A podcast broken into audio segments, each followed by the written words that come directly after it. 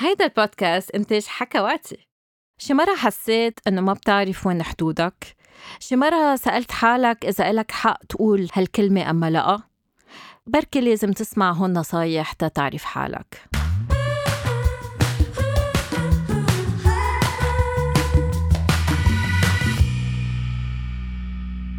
فهمتوني. نصايح اليوم عم تتوجه أكثر للرجال إنما ورح نشوف بغير حلقات أنه المرأة فيها تكون متحرشة آه، جنسيا.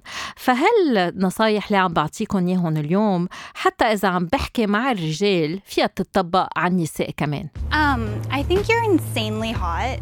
أول شغلة بنحب نوضحها. الفرق بين المدح والتحرش الجنسي كتير كبير.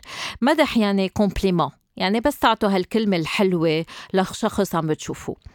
هلأ بين أصحاب أكيد فينا نعطي كومبليمون أم فينا نمدح بالتاني بس بس ما يكون في هالصداقة بين شخصين. شو الفرق بين المدح والتحرش الجنسي؟ أول فرق هو النية. ليش عم تقول هالكلمة؟ هل عم بتجامل أم هل عم بتلطش؟ لأنه إذا عم بتلطش يعني هذا تحرش. إذا عم بتجامل هون الفرق التاني. لازم تكون الشخص التاني مرتاح للي عم بتقوله. لأنه إذا الشخص التاني مش مرتاح هذا كمان تحرش. I'm not comfortable with this. تاني شغلة بس نحكي عن التحرش الجنسي. عنا هالفكرة أنه كل النساء بحبوا أنه نعمل لهم كومبليمون يعني نمدحهم على شكلهم نقول لهم أنه شكلهم حلو فستانها حلو قصتها حلوة عطرها حلو وإلى آخره. بس هذا الشيء مش مزبوط. كتار من النساء بينزعجوا إذا حكينا عن مظهرهم. لذلك إذا أنتم مش كتير قراب ما تحكوا عن الشكل. وكتار من هالنساء اللي ما بيحبوا إنه تحكوا عن شكلهم رح يقولوا لكم بليز ما بقى تحكي لي عن شكلي.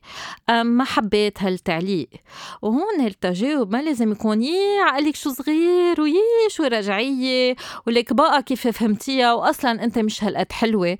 لا بده الواحد يقدر يعتذر ويفهم وما يعود يتعدى حدوده.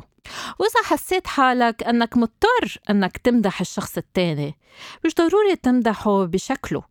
فيك تمدحه بإنجازاته بشطارته بكفاءته لأنه بالنهاية هيدا أهم شيء وما توقعوا بالفخ إنه تقولوا للشخص التاني يي شكلك بلشت جيم أم عم تعملي solarium أم عم تعملي ريجيم لأنه بس تحكوا عن شكل الشخص التاني يعني عم تطلعوا على شكله.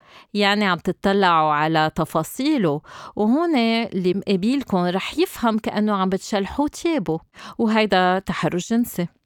وما تفكروا إذا شخص لابس بطريقة سكسي يعني عم بيطلب إنه نطلع عليه إنه عم بيطلب إنه نصفر له إنه عم بيطلب إنه نلطشه. لا الشخص بيلبس لإله مش لإلك مش تتطلع وإذا اطلعت ولطشت هذا كمان تحرش جنسي.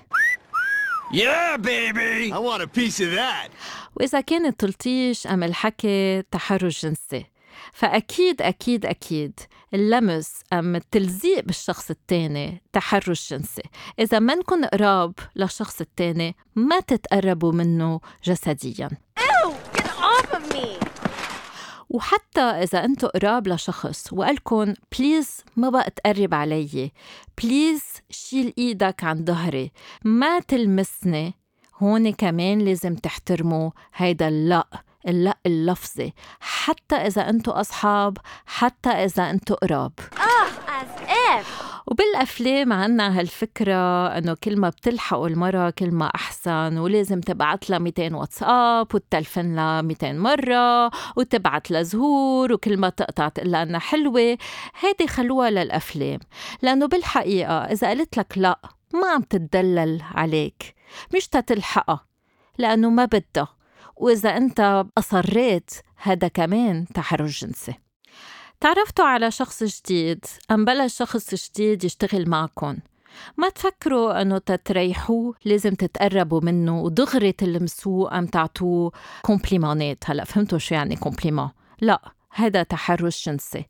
بس ما تعرفوا شخص يكون غريب في حدود لازم تحترموها وهلا رح تنصدموا.